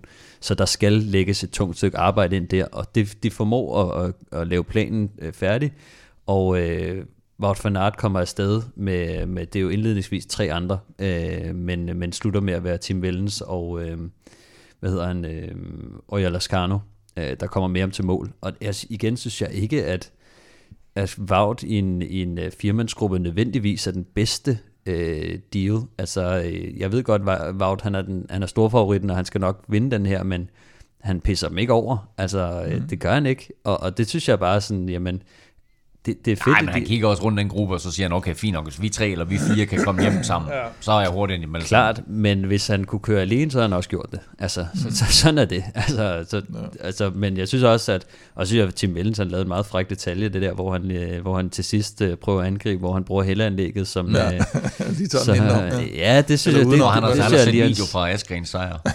Ja, men det, det er jo sådan nogle små frække ting, hvor man lige udnytter øh, lidt road furniture, men, øh, men altså, øh, det, jeg tror, hvis de skal fortsætte den her stil, altså vi ved, at, at når de tager ansvaret på den her måde, de andre kommer lige lidt længere med, så begynder de også at, at, at, altså at spille lidt ud mod Visma, Øh, så, så de kommer til at sætte sig i den der favoritposition, hvor de skal begynde at forsvare mere, end de angriber. Øh, I hvert fald, når vi kommer længere ind, og de andre begynder at snakke lidt sammen og finde ud af, hvordan deres niveau er. Så jeg tror også, hvis de skal fortsætte med det her, så skal de altså bruge lidt mere niveau fra, øh, i hvert fald øh, Christophe Laporte, som jo egentlig var der, mm. men, øh, men vi ikke så sådan, øh, sådan Van Barle, Van Barle sagde, at han ikke helt var der endnu. Van Barle var der ikke. Uh, Tisbeno, som jo også havde det der styrt uh, lidt, mm. lidt, lidt op til, han var der måske heller ikke helt, ikke? men, uh, men de, jeg tror, de skal, de skal bruge uh, de andre folk også. Uh, de skal begynde at komme op. Jeg synes også, Matteo Jorgensen kørte rigtig, rigtig flot. Ja, men uh, i omløb, da han angreb, der kom han jo nærmest selv tilbage igen. Ja. Uh, så det er også sådan lidt, jeg synes, de, de leverer et, et et rigtig, rigtig flot stykke arbejde, og de, de, de tager sejren her til at starte med. Ikke? Både mm. bliver de 1 og 3 begge dage. Uh, det, det, det, det er jo ret flot. Eller 1 og 4, tror jeg, det blev i kyrene med Laporte, der vinder fælles spurt. Men, mm. øh, men jeg, jeg, jeg, jeg er bestemt ikke den fjerde, sådan der. Den fjerde mand, der sad med i det der udbrud, som, som så bliver smidt, øh, det er jo faktisk en af de store historier mm. øh, fra det her løb, nemlig en, en ung New Zealander, Lawrence Pithy. Ja, 21 år gammel, og, øh, og han er jo den sidste, der bliver smidt fra... Øh, fra frontgruppen der, så de kun er tre, der kommer hjem. De sad jo fire mand der, og, og så på, på en af stigningerne, jeg kan faktisk ikke lige huske, hvad det var, den hed, den stigning, men der må, der må han lige øh, lade sig falde tilbage, men der går ret lang tid, inden han bliver hentet af de næste. Altså han, mm. holder, han holder virkelig godt stand. Han vandt jo også øh, Cat Evans Great Ocean Race, Road Race, er det det, det hedder, fulde, fulde navn. øh, så, så han bliver, altså der, du, du kan også nærmest se på ham, at øh, den måde, han kører altså han bliver en god klassikerrytter. Det, det, det, var, det er der ikke nogen tvivl om. Ja, ja, det var lidt ærgerligt, at han faktisk øh, blev sat, fordi han, han er en spurtstærk herre. Så jeg sad også og tænkte sådan, ja. det, det, det bliver ikke nemt for Wout van Aert at slå ham i en spurt, men, men han kolder jo så, og det kan man sige, at han, er, han er en ung gut, og det er et hårdt cykelløb. Nej, men specielt kunne det have været sjovt at få ham med hjem til mål, fordi Van Aert så ikke kun skulle koncentrere sig om de der to mm. lidt, lidt tungere drenge, der, der skulle angribe. Det vil sige, så skulle han både koncentrere sig om, ja. ham her er hurtig, og samtidig have de andre lidt i baghovedet, og det vil sige, at deres angreb havde måske blevet farligere, fordi så var der i hvert fald en, han skulle konkurrere med og, ja. og spare kræfter med ikke? til. Men alt i alt en, øh, en dejlig weekend for Visma Lisa Bike, der vinder begge løb i Belgien, og altså også Vingegaards øh, O Gran Camino. Øh, også kvinderne kørte omløb i weekenden, og her vandt Marianne Foss fra Visma. Visma, Lisa Visma foran øh, Lotte Kopecky, og så øh, Elisa Longoborghini, mens øh, Emma Norsgaard blev øh, nummer 11. Vi skal have fundet dagens vinder af en Europa Cup, og øh, faktisk også lidt ekstra goodies, fordi som lovet, så er der altså også en kasket og en dunk med i dagens præmie. Og har du lyst til i næste uge for eksempel at deltage i lodtrækningen, eller for en sags skyld resten af sæsonen, så er det altså nemt at være med og samtidig støtte os på tier.dk. Beløbet er valgfrit, og øh, du donerer hver gang vi udgiver en ny podcast. Og når du så først er med, jamen så, så deltager du automatisk i de her forskellige lodtrækninger, vi har. Og Stefan, du er jo manden med den heldige hånd. Hvem er dagens vinder? Det er, øh, jamen dagens vinder er faktisk en, der har været med i ret lang tid. Okay. Øh, vi kan spore ham helt tilbage til oktober 2019. Så, wow. øh, så der, det er faktisk øh, det er på tide. At, øh, det er simpelthen femte sæson. Ja. Og vinderens navn vinderen er? er Lasse Olsen. Sådan. Jamen, øh, Lasse, fantastisk, at du i så lang tid har støttet Velropa Podcast. Tusind tak for det. Og nu kommer der altså lidt merch øh, i din retning. En kop, en kasket og en dunk. Og øh, husk, at vi jo for alle vores lodtrækninger gør det på den måde, at for hver fem du donerer, der får du et lod i puljen. Så jo større beløb, jo flere lodder, og dermed altså større chance for at vinde. Du finder link både på velropa.dk og på tier.dk. Mange tak for støtten til alle, og kæmpestor tillykke til Lasse. Vi glæder os til at se dine præmier på de øh, sociale medier. Cykelsæsonen er skudt i gang i Belgien, og det bliver den også i Italien på lørdag, for her køres det lækre italienske løb Strade Bianche, de hvide veje. Øh, det begynder og slutter i byen Siena, og selvom det kun er 18. gang, at øh, de hvide veje i Toskana de danner rammen om det her løb, så har det jo allerede Kim opnået stor status. Ja, om ikke andet en ny klassiker bliver den i hvert fald betegnet, og der er jo mange, der gerne vil have det ind som en klassiker, og nogen vil gerne have, at det skal være et monument lige frem, øh, og, og det, det, det bliver også altid et rigtig godt cykelløb nærmest, uanset øh, vind og vejr, om det er sol eller, eller regn. Og så har du det her øh, altså, fede terræn, du har en klassiker stemning, tilskuer, du har de her grusveje, øh, som jo er en, en slags pendant til de her brosten i Belgien. Og så har du den der vanvittige afslutning inde i, i centrum, op i, i, og i en utrolig smuk by, Siena, hvis man har været der. Mm. Øh, som jo er en, Ved en, godt? en perle. er noget med det Det rådhus er i noget med rådhuset, det er lavet efter København. Ja, øh, så ja, det synes jeg, øh, det er, det, det, det, det er sgu bare, det er bare et fedt løb. Fedt vedløb. Fedt vedløb, og jeg tror alle sammen, vi elsker de her øh, helt igennem spektakulære billeder, vi får ude for ruten. Mm. Og øh, arrangørerne har også øh, ligesom opdaget, at hov, der er nogen, der godt kan lide de her billeder, vi får, og, og, og de ligesom har fået smag for det hvide grus. Øh, og det betyder altså, at der er øh, i år 15 sektorer, øh, sektorer i modsætning, til, øh, i modsætning til, til tidligere 11. Øh, og så er der rekord, Stefan, både hvad angår længden af de her grusstykker, og også længden af løbet. Ja, netop. Altså, vi er jo helt op på 71,5 km på de her øh, hvide grusveje, så, øh, så alligevel en, en del mere, og så øh, har de også gjort øh, løbet længere, øh, så nu er det 215 km langt. Øh, så altså, det, øh, efter et, et, et udmagrende løb, øh, så, øh, så slutter det stadig på klinkerne inde i, inde i Siena, men øh, en, en, en noget hårdere rute har de, øh, har de lagt op til. Og, og, og grunden til, at den er blevet hårdere, øh, er jo simpelthen, at der er lagt en ekstra omgang ind øh, omkring Siena. Hvad får det af betydning? Øhm, det får, jeg tror, det får en ret stor betydning faktisk, fordi at øh, kigger man på, på de sektioner, det er jo i den sidste ende, kan man sige, inden de kører ind til Siena, at øh, de får, øh, får sat en omgang ind. Og der er altså nogle af de her sektioner, øh, de skal køre, som er ret spektakulære, øh, og øh, når man ser på nogle af de stigningsprocenter, der, der kommer op, så, så ser det altså ud til at være noget, noget voldsomt noget, de skal, de skal ud i. Det er ikke bare sådan nogle nemme sektioner. Mm. Det, er, det er også nogle med nogle sving på, øh, som også kan, kan blive lidt udfordrende. Så, øh, så jeg tror, altså normalt så siger man jo, at øh, når, når løb bliver hårdere og, og længere, så, så kan det nogle gange skubbe lidt til finalen, øh, som, som først starter senere, men, øh, men jeg tvivler bare lidt på det i, i Strade Bianche, fordi når du først kommer ud på de der grusveje der, ja. så er der kaos, og så, øh, så bliver Det der altså kørt selv, til. ja, du Og ikke, der, er- ofte er der også sidevind på, på nogle af de der sektioner, så, øh, så jeg tror egentlig bare, at vi, vi kommer til at se et, et endnu hårdere øh, løb, hvor der kommer lidt mere adspredelse på, på, øh, på grupperne. Øhm, men altså, det, det er jo i, lidt mere i favør, kan man sige, til, til nogle af de mere udholdende ryttere, og måske knap så meget til de, til de store øh, sprintstærke ryttere.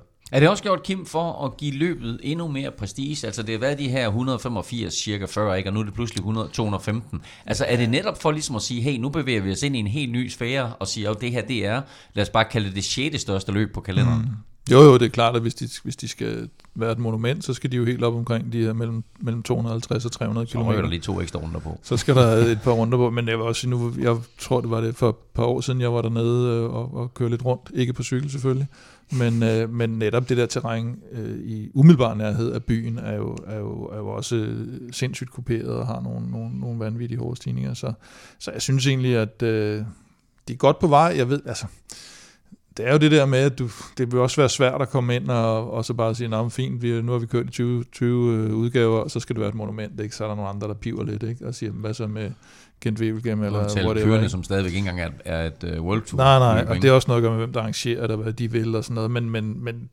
det må komme på et tidspunkt, tror jeg, det her. Det, det er så unikt, det her løb, at det, det, det skal næsten have, det skal næsten have, have, have en status, der, der er større, ikke? Og så, og så kan man sige, øh, nu har de, vi har, vi har talt lidt om det der med, at der har både været sådan nogle mudderudgaver, der har været en, øh, en sommerudgave, der har været, mm.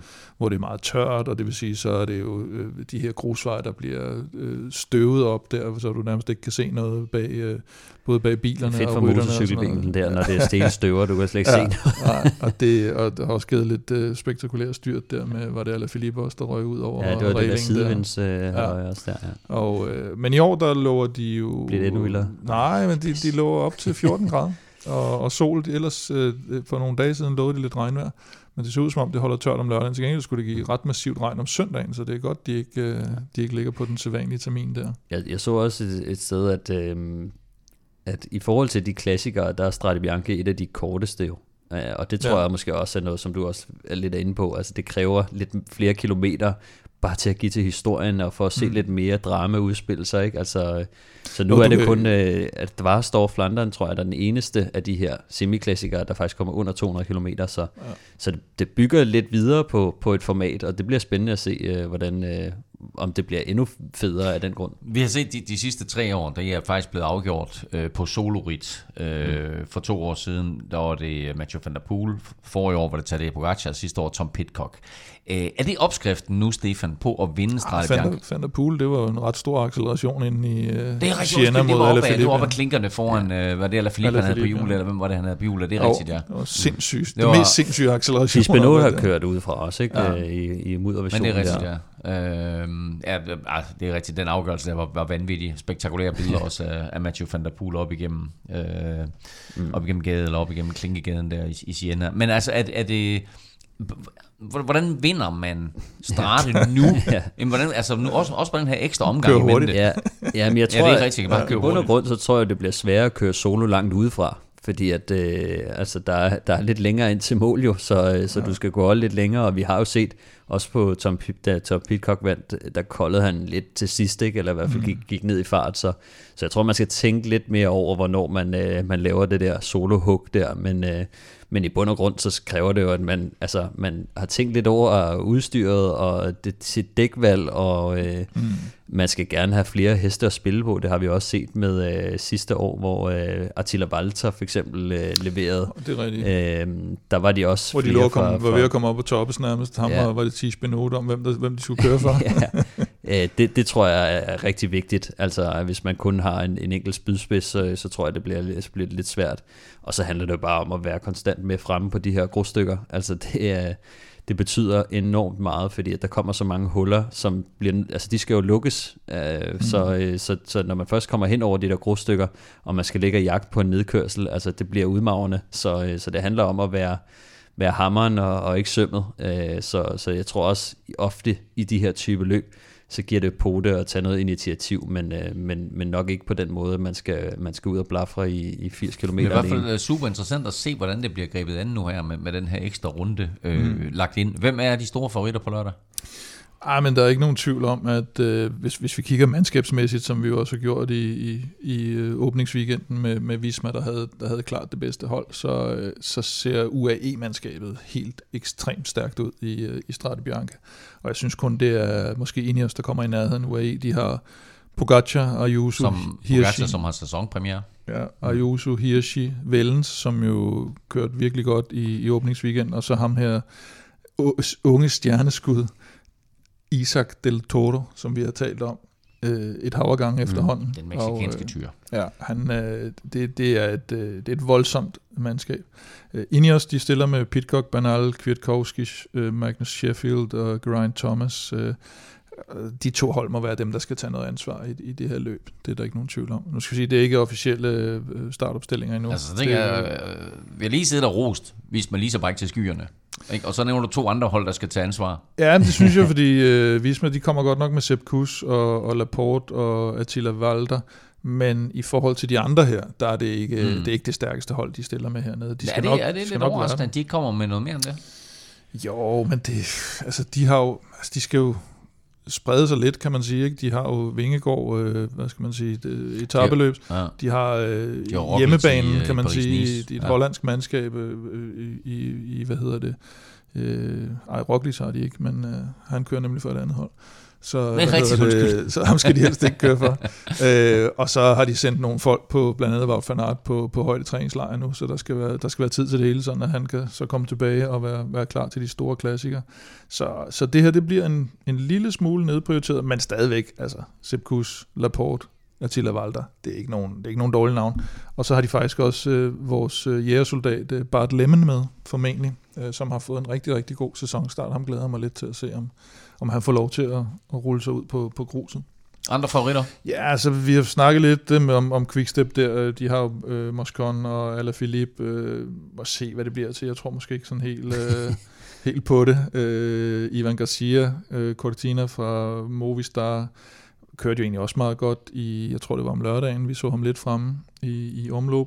Og så har de ham her, Carlos Canal, som øh, har, har vist sig lidt fremme i sæsonstarten. Ham, ham glæder mig lidt til at, og, og se også Axel Single fra øh, Kofidis, Simon Yates fra, fra Jaco Alula, øh, burde også kunne øh, præstere noget. Og så Lennart van Etfeldt, som vi talte om, der tog, øh, hvad hedder det, UAE-tur øh, efter, og, og Maxim van Gils, som sidder med den ene af dagene nede i øh, Frankrig med, med Skelmose og Jusu og, og de drenge der. Det tegner også lovende. Så kan man sige på, på Little Trek, Quinn Simmons, altså han, er, han har kørt top 10 i det før, og det er sådan et løb, der burde passe ham helt perfekt. Øh, så på et tidspunkt, tror jeg, han, han slår igennem. Øh, ben Healy er også med, har også kørt godt, og de kommer også igen med et stærkt hold, men det gjorde de også i omløb. Øh, Betjol, Carapaz, Nelson Paulus, virkelig stærkt hold, men... Altså fra EF. Fra EF. De fik det ikke til at spille i Belgien, måske kan de få det til at spille hernede, og så øh, Kyng, Madouar og Roman Gregoire fra, øh, fra Francis de Jeux. Danny Martinez vil jeg nævne for Bora, han er jo en af mine øh, håbefulde sæsonfolk. Øh, og så Mahodic selvfølgelig på Bahrain og Dylan Tøns. Og så, så har vi jo vores ven Riley Sheehan, for, så vand, som vinder oh, ja. Paris Tour sidste år. Det var også en masse grusveje. Så Nå, det, det er nok det lidt hårdere det her. Men, det var ham, der lige havde en opblomstring i en ja. uges tid. ja, han havde lige, men han er simpelthen med. Han er med, øh, efter planen i hvert fald her. Så, så altså det, vi har også øh, et par interessante danskere med. Blandt andet så glæder jeg mig faktisk til at se Magnus Kort, mm. øh, som vil blive spydspids for Uno X. Ja, han bliver spændende. Altså, han har jo ikke gjort så meget væsen af sig i sæsonen indtil videre, så øh, jeg er ikke sådan helt høj på ham øh, endnu, men, øh, men jeg tror nok, han skal komme på et eller andet tidspunkt, og det ville være fedt, hvis han gjorde det i, i strate. Men øh, vi har også øh, Andreas Kron med, som jo blev 10'er sidste år, og øh, faktisk kørte et godt cykelløb, også lige frem med et angreb på et tidspunkt, kan jeg huske. Øh, Kasper Askren øh, er lidt overrasket over, at du ikke har blandt dine øh, favoritter på en eller anden måde. Jamen, det, jeg tager ikke danskerne med. Dem Nå, du, du tager ikke danskerne med. Okay, det var uden, nå, det var uden danskere. Ja, okay. Altså, Askren er jo blevet nummer, nummer tre før i, i 2022, så, så han kan jo også det her. Og men det bliver en lidt hårdere version i år. Øh, men, øh, det passer ham nok bare godt. Ja, jeg tror også, øh, kan man det sige... Det var i hvert fald en version der i 22. Det var vel der, at Philip styrtede, og så Pogacar, han øh, var faktisk med i det styrt, men kører så solo, og så er det øh, Van Verde, der bliver to, ikke? Og så er Askren, ja, der bliver tre. Ja. ja. Øh, Mikkel Honoré er også med øh, for, for EF, og øh, jeg tror stadig på øh, lidt på ham faktisk, efter jeg så ham øh, have rigtig fin form nede i Portugal, og hænge, hænge godt med på stigningerne, så, øh, så ham har jeg måske lidt fidus til endnu. Øh, Jonas Gregor er også med for Lotto, og skal formentlig køre for Andreas Kron, men øh, jeg tror også... Øh, hvad? Høvlen for Herlev. Høvlen for Herlev, øh, og, og så, øh, som jeg kender ham, så, så kan han være guld værd for, for Kron, fordi han er god til at positionere sig frem i, mm. i feltet, og og det, det, det, det tror jeg, han, det bliver vigtigt for Kron, at uh, der sidder nogle folk med ham frem i feltet, specielt i den første halvdel. Um, vi har faktisk også Anders Follager med, som, uh, som mm. jeg også glæder mig til at se for, ja. for Jaco. Uh, om han kan gøre et eller andet væsen af sig. Uh, det kan jo være, at han får frie hænder, fordi der måske ikke er så mange uh, store favoritter på, på Jaco-holdet, så, uh, så det, det bliver også spændende. Han har jo lidt, uh, han har et godt punch, så, uh, så det kunne være, at det passer godt til ham. Og så et hurtigt bud på en uh, vinder. Kim? Det bliver en for UAE. Ja. ja. så jeg øh, fedt spiller ikke, så jeg siger Tim Vellens. Fræk ja. bud. Tim Vellens? Nå, ja. du, du, og du mener, at Pogacar er fedt spilleri? Ja, det er det. Okay, men jeg så tager Hirschi. Så tager du Hirschi. Ja. Og det bliver okay, en for UAE. Okay, altså jeg vil jo egentlig... Altså, jeg forstår ikke, hvorfor I ikke tager Pogacar. Jeg vil godt tage Pogacar, men bare for ikke at fedt spille, så siger jeg, at Pitcock han laver en gentagelse. okay. okay. Så. Men han kører jo ikke for UAE. Det var ikke mig, der sagde, at du ikke Nej, det er rigtigt. Så. Nå, og bedste dansker? Øh, jamen, der har jeg faktisk lige lavet lidt om, fordi jeg havde egentlig sagt Andreas Kron, men så kom jeg jo til at tænke på, at jeg lige har sagt, at øh, både Maxim van Gils og, øh, og Lennart Etfeldt, han, øh, van Etfeldt er med. Så øh, det, det tror jeg bliver en tredje violin måske, han kommer til at spille der. Det er i hvert fald, det er i hvert fald nogle, øh, nogle formstærke gutter, han har med ja. der på samme hold. Så, øh, så Stefan siger, at jeg skal sige Askren, så det gør jeg. oh. Jeg, øh, jeg holder på den der fidus til Honoré. Jeg synes også, det, ja. det vil også være lidt sejt, hvis, han, øh, hvis jeg kalder den, øh, før han har lavet noget. Det, det er det. Før han selv ved Så siger jeg, så siger ja. jeg altså kroner. Øh, kvinderne kører også Strade Bianche, og det er jo et løb, der ellers har ligget rigtig, rigtig godt til øh, Cecilie Utrup Ludvig, som faktisk blev tre sidste år. Men, breaking news, hun kommer ikke til start i år. Ja, er, den, er det også der breaker den? Nej, jeg tror ikke, det er også der breaker. okay. Jeg tror, TV2 de breaker den lidt tidligere i dag. Men øhm, ja, øh, hun styrtede jo desværre i, i omløb, og det viser sig at være lidt værre, øh, end man lige troede, fordi at øh, hun har brækket korsbenet, som, øh, som sidder nederst i rygsøjlen, så øh, hun er formentlig ude resten af foråret. Øh, wow. Men, øh, men de, jeg tror, at de, de sagde i hvert fald et par uger og så videre, men, øh, men vi, vi vil nok lige se. Altså, jeg tror, at øh, når det har med ryggen at gøre, så, så er det lidt svært, og, men, men der er forhåbning om, at øh, hun selvfølgelig nok skal komme tilbage, øh, men, men lige her til foråret kan det nok blive lidt svært. Mm. Jeg glæder mig vanvittigt meget til på lørdag og til Strade Bianca. Jeg synes, det er et af forårets højdepunkter, og det kan ses i din fjerner lørdag fra klokken 13.30. Og mens vi glæder os til lørdagens hvide veje i Toskana, så er der faktisk en stribe ryttere med noget større ambitioner for sæsonen, der forbereder sig til to mere markante etabeløb. Fordi søndag der skydes Paris-Nice i gang, og mandag der følger øh, det italienske Tirreno Adriatico så trop. Og øh, vi har faktisk danskere med i dem begge, og ikke bare tilfældige danskere, faktisk danskere, mm. som øh, måske godt øh, kan gå hen og, og drømme om øh, at vinde løbende samlet både i Frankrig og Italien. Lad os lige tage Tirreno Adriatico først, som godt nok er det, der starter senest, for det starter altså først på, øh, på mandag. Jonas Vingegaard stiller op her. Hvem er hans største konkurrenter? Ja, han må i hvert fald sige sig at være stor favorit, men, øh, men Simon, der, der er en del af dem fra Strade Bianche, som, som øh, kører Strade Bianche og Tireno, og, øh, og Simon Yates, Tom Pitcock, Ben Healy og Yuso vil nok være dem, man i, i første række i forhold til de, de startlister, der er kommet ud indtil videre.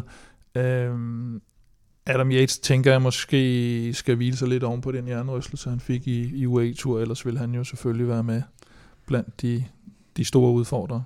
Men det virker jo ikke sådan som, øh, hvad skal vi sige, altså konkurrenter, der på nogen måde skræmmer øh, Jonas Vingegaard. Nej. Øhm, på det her tidspunkt sidste år, øh, der fik han jo, hvad skal vi kalde det, øh, altså øh, han kørte Paris-Nice, og det bliver jo det eneste løb i sæsonen, han ikke vinder, hvis vi ser bortset fra Vueltaen. Mm. Øh, Som han får væk. Præcis. øhm, så hvis vi, altså, hvis, vi, hvis vi kigger på hans sæson nu, og der sådan, at han så siger, fint nok, øh, den der blamage vil ikke have hængende på sig, altså øh, på mig, øh, går han, så han går vel udelukkende for at vinde her. Jeg tror, han, øh, som, som du også lidt er inde på, jeg tror, han kører, han kører så få nøje udvalgte løb, og hans sæsonplanlægning, den er lagt så stensikkert, at øh, han kører efter at vinde i alt, hvad han stiller op i. Det er der, det er der ikke nogen tvivl om, og øh, og det her løb, det, med den form, han viste i, i Camino, så... Vanvittigt dominerende han, i Caminoen. Modstanden ikke specielt skræmmende her i Tirreno, så det er jo lige, det er jo lige ved en skuffelse, hvis han ikke vinder. Ja, det er stadigvæk lidt et mere prestigefuldt løb. Øh, der bliver nok kørt lige den tand hurtigere, og, øh, og så er etaperne måske... Ja, det, Jamen lad os prøve, fordi... Altså, nu prøver jeg bare at tænke på eksempler på, hvordan han kunne Hvordan han ikke jeg vinder. Tror, jeg, tror, jeg tror, han vinder, så, så det er jo mere for at finde ud af, hvordan han, uh, han kunne tro sig de her navne. Vi er tilbage midt i næste uge, og der er der kørt tre uh, etaper formodentlig, Stefan. Hvordan ser mm. de ud? Jamen, øh, første etape er, øh, kan man sige, noget de har øh, det bliver en 10 km enkeltstart i Lido di Camaiore, som de har gjort de sidste to år også. Øh, det er en flad enkeltstart langs kysten, og øh, Ghana har vundet de, øh, de første to øh, gange, de, de kørte ja, de har kørt den øh, 100 gange, tror jeg, men det kan godt være, de holdt pause for tre år siden. Så ja, ja, før, de, ja kørt. de sidste ja. to år gjorde de det, og før det, så kørte de Kamarjote, men, men bare var, øh, nej, det var bare nej, der flade de, etaper, tror jeg. Ja, det er rigtigt, ja. Øhm, men, øh, men anden etape, det bliver så en øh, 198 km flad etape, som ligner meget en, en sprint på papiret. Øh, når man lige kigger på finalen, så er der lige lagt et, øh, et højre sving ind med 300 km. Øh, 300 km igen. 300 km igen. Man er sikker på, at man rammer. med, øh, det er selvfølgelig 300 meter, jeg, jeg mener, som, øh, som nok bliver lidt afgørende, kan man sige, hvis, at, at komme godt igennem øh, det, det sidste sving der. Øhm, tredje etape ligner faktisk en, en ret sjov etape, som jeg, jeg det synes, det er lidt svært at, at forudse, hvad, hvad, hvad det kommer til at ske. Den er sådan primært flad ind til de sidste øh, 19 km, tror jeg det er, hvor at, øh, de så rammer en 3 km lang stigning på 7%. Øh, så kører de en kort nedkørsel, og så rammer de sådan et stykke, hvor at det egentlig bare er sådan falsk flat i, i en del kilometer, indtil de sidste 3 kilometer, hvor det så stiger lidt mere op til mål. Øhm, den her 3 km stigning, den stiger mellem 2 og 4,5 procent, men ikke sådan kontinuerligt, eller sådan, hvad hedder det, eksponentielt op til, til 4,5, men, øh, men, men det, det bliver sådan lidt en sjov finale øh, med, med en stigning og noget falsk flat, og lidt, øh, lidt, lidt uforudsigeligt øh, kunne det godt se ud. Spændende, og vi er tilbage formodentlig onsdag udenbart efter den etape, så glæder os naturligvis til at se, hvordan, øh, hvordan den går, og om øh, Jonas Vingegaard eventuelt viser sig frem. Øh, Tirreno Adriatico begynder altså på mandag, og feltet tager den så fra vest til øst på tværs af Italien fra øh, det ene hav øh, til det andet. I Frankrig der kører de øh, fra nord til syd, øh, når feltet allerede søndag åbner Paris-Nice, og der har vi Mathias Skelmose med. Mm. Og øh, nu øh, tager jeg måske munden lidt for fuld her, men altså, jeg kunne bare, altså, vi så ham være vanvittigt stærk sidste år, øh, også i, i, i flot besatte etabeløb. Kan han vinde Paris-Nice? Altså, det kan han jo teoretisk set godt. Han vinder Schweiz rundt sidste år, og hvis du kan vinde Schweiz rundt, så kan du også, så kan du også vinde, så kan du også vinde If you can make it in Schweiz rundt. øh, men, og der, der er ikke sådan alt for stejle stigninger i, i årets Paris-Roubaix, og han får ikke problemer med varmen i hvert fald, som nogle gange har, har, han har døjet lidt med. Øh, vi har en øh, Max Schachmann, der har vundet løbet for, for nogle år siden, og det, det viser også lidt, at, at det, ja, det ikke er, det behøver ikke være de helt store bjergkonger, der, der vinder det. Så, øh, så jeg tror, her bliver, øh, i modsætning til, til Vingegaard, så bliver det jo egentlig det, det stærke felt, der bliver hans øh, største problem, kan man sige. Og hvem er hans værste konkurrenter? Jamen, øh, ganske kort. Remco og Roglic, øh, de, er, de er ret gode og, og har gode hold med sig. Så øh, udover dem, så er der også øh, Charles Almeida, øh, Alexander Vlasov og, og Pelle Bilbao. Så, øh, så der er rimelig godt stagt, men, øh, men det er nok toppen, de her. Og så er der ingen, øh, der er ingen enkeltstart i årets øh, Paris-Nice. Der er til gengæld en holdtidskørsel på tredje etape. Hvordan ligger det til Little Trek at køre holdtidskørsel? Jamen, jeg tror lige præcis med det hold, de ser ud til at stille op med i Paris-Nice, der, der ligger det rigtig godt. Øh, de har Skelmose, de har Mads P., de har Bauke, de har Alex Kirsch, de har Støjven. Øh, alle sammen rigtig gode motorer. Så de er absolut blandt favoritterne i, i holdtidskørselen, som jeg ser det. Ja, okay. Jeg, jeg, jeg synes faktisk, øh, jeg, jeg har lidt svært ved at forudse, øh, hvordan, øh, hvordan de skal være, være med op. Altså, når jeg kigger ned på, på nogle af de andre hold, altså Remco Evenepoel har Ilan van Wilder med sig, der er rimelig hurtig. Mm. De har Yves Lampard, der er også rimelig hurtig på en enkeltstart. Har vundet turens enkeltstart og belgisk mester et par gange. Uh, Mattia Catania kan også finde ud af at køre mm. enkeltstart. Og uh, Gianni Moscon han er jo også en, en stor maskine og, og ser ud til at være i form. Og så Kasper P., han er også ja. kørt noget, øh, noget holdtidskørsel før, eller banelandshold. Så, øh. Men vi snakker jo heller ikke om nødvendigvis at vinde. Øh, Nej, øh, altså her, blandt, men mere, blandt mere, mere ikke at tabe for meget tid. Ah, men, men det, jeg, jeg synes godt, er, de kan køre op. Altså, en Mads P. på sådan en, han øh, kommer til at... 100, ja, altså, men Mads P. er måske også den eneste, som jeg synes øh, altså, sådan virker til at være. Så er der, så er der Mollema, kan han stadig... Øh, ja, han altså, han har, været, han har været historisk god på, på holdtidskørsler, men, men skal der ikke lidt mere til, måske? I don't know. Sidder disse mig for åben skærm, havde han altså, åben mikrofon. Jamen, ja, altså, det er meget voldsomt. Det er meget, meget voldsomme uh, ting, der sker nu. Sidder lige over for formanden det, for det, bare, det, bliver, det kan være svært, hvis du først taber tid til, til, til Roglic og Remco, og så stadig være med. Altså, så skal du ud og, og, og hente oh, ja, ja. de der 10-20 sekunder, øh, 30 sekunder måske, øh, på, på topfavoritterne. Det kan blive rigtig, rigtig svært. Øh, men, øh, men ja, jeg synes, uh, UAE har også rigtig koldt. Ineos ser også ud til at være rigtig stærk. Har blandt andet Josh Tarling med, ikke? Og, øh, det, det kan blive... Øh, han tager en 27 km det, det kan blive, nej, men jeg tror, at holdtidskørelsen, det, kan, det kommer til at sætte tonen for, for Skelmoses øh, chancer for ja. at, at kravle op på podiet. Og det er allerede tirsdag, så den har vi i hvert fald resultat af, når vi er tilbage mm. i, uh, i næste uge. Nu har jeg nævnt Mads P. et par gange. Uh, hvis nu vi siger, at, at Skelmose han imod forventning ikke vinder Paris-Nice samlet, så er der en vis forhåbning om, at Mads P. han kan vinde en etape øh, undervejs, og øh, han er jo kommet virkelig godt fra start her i sæsonen indtil videre. Seks sejre alt i alt på de franske landeveje. Nu er han tilbage på de franske landeveje. Øh, hvem skal han kæmpe om etappesejr med her i Paris-Nice. Som vi jo tidligere har sagt os, så er modstanden noget hårdere i Paris-Nice, og de løb, han kommer til at stille op i uh, fremadrettet. Uh, når man kigger på sprinterfeltet, så er det Olaf Køj, og uh, det er fra, fra Visma. Arno Lee, som jo uh, sige, må være godt galt i, i skralden, uh, men stadig en, en meget hurtig herre.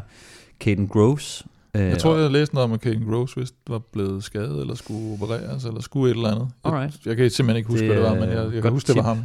Øh, øh, Gerben Tyson, øh, og så måske også min gode ven, Arvid de Klein. Øh, har også vist sig at være, være rigtig, rigtig hurtig. Han har været øh, god. Han kører tutor nu, ikke? Jo, han, Ja. kører, nu, han kører nemlig tutor. Øhm, der er øh, en grund til, at jeg, ikke, jeg er lidt i tvivl med Dylan van Barle og Fabio Jacobsen. Øh, Dylan Kronevæk. Kronevæk. Dylan, Dylan van Barle, ja. han, han får det rigtig svært. Han var svært spurter.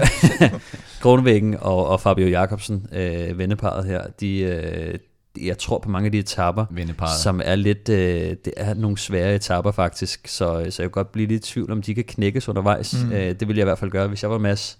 Øh, fordi kommer de med til stregen, øh, så, så, så er de selvfølgelig super hurtige, men, øh, men jeg kan godt være lidt i tvivl, når man kigger på ruten, hvor mange chancer de egentlig kommer til at få.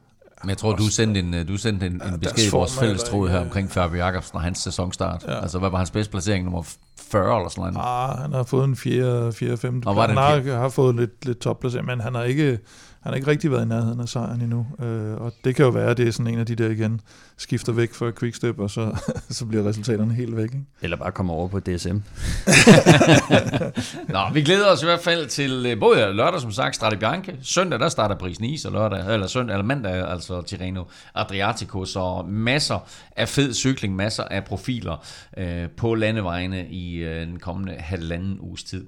Øh, Paris Nice er, som sagt, øh, og som sædvanligt, på otte etaper. Begynder søndag i Le Moro, øh, sådan vest for Paris, og slutter så i Nice, hvor årets Tour de France jo ja, også slutter for første gang, så det her det er jo sådan en, uh, en lille forsmag på, hvad der, hvad der venter tilskuerne til sommer, når, når turen altså også slutter i Nice. Nu skal vi til gengæld have fundet vinderen af quizzen.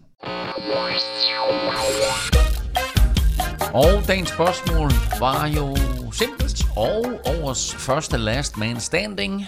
I uh, mente jo, at vi havde stillet jer det her quizspørgsmål før, så derfor ja. så bør I jo selvfølgelig kunne alle 12 nationer, der har vundet ja. Strade Bianche mm-hmm. indtil videre. Der er kørt 18, der er kørt 17 nationer, og 12 nationer har vundet, mm. øh, hvilket egentlig i sig selv er, er ret imponerende. Kim, du har serveretten. Vil Ja. du svare først, eller vil du lade Stefan svare først? Jeg kan lige så godt bare svare først. Du åbner simpelthen. Jeg åbner bare. Godt så. Ja, jeg tak. åbner ballet. Ja, tak. Okay. Jeg siger Storbritannien. Ja, tak. Eller har vi noget med Isle Nej, of så- Man eller sådan noget? det er fint. Nej. Øh, du får Storbritannien, vil du nævne hvem? Ja, Tom Pitcock for eksempel. Sidste år. Yes. Blandt, blandt andre. øhm, jeg siger Italien. Ja. Ja, tak. Øh, Hvem siger hvem, du fra, der? hvem fra Italien? Øh, jeg kan ikke huske hans navn faktisk lige Mm. på stående fod, men jeg ved, at han er søn af en tidligere cykelrytter. Nej, Er han ikke det? Han Eller er samme familie navn. med? Han er nevø-agtigt eller andet. Hvordan er det? Moreno Moser. Ja. Det er Og det er. Francesco Ja, Mosers Francesco. nevø, ikke? Jeg kan ikke huske det. Nu er den ret. Men jeg synes, det er svagt, du ikke kan nævne det, Stefan. 2013, Moreno Moser. Det er stærk. Og i øvrigt, hård i, i, i den her øh, italienske, øh, i det her italienske minimonument, mm-hmm. den eneste Ja, det er den eneste, italiener, jeg der har Ja, ja, vundet. Det er en. Og, Men fordi vi havde den sidste år, så kan jeg huske det. Ja, lige Nå, præcis. Ja, præcis. Øh, jamen, så lad mig tage Slovenien ud af puljen. Jo. ja, tak. Og hvem har vundet der? Øh, Tadej Pogacar Korrekt. og Jan Tratnik. Yes. Godt. Stefan? Øh, Holland. Holland. Og hvem har vundet der? Van der Poels. Van der Poels. Godt. Så må jeg jo hellere tage Belgien ud. Ja, tak. Kan du nævne, hvem der har vundet der? Stefan sagde i hvert fald, det var Thies Benot. Så det vil jeg håbe. Thies Benot vandt i 18. Har Vaud ikke vundet? Wout vandt i 2020. Ja, ja. Og Philip Gilbert vandt i 2011. Nå, mm. den havde jeg... Den har du svidt. Elveren havde jeg svidt ud. Ja. Stefan? Øh, Schweiz. Right, den var stensikker. Kan du nævne hvem? Det er Fa- Fabian. Kan du nævne mange gange? Er det tre? Det er tre gange. Han er den eneste, der har vundet tre gange, og derfor så er det jo også det her med, at...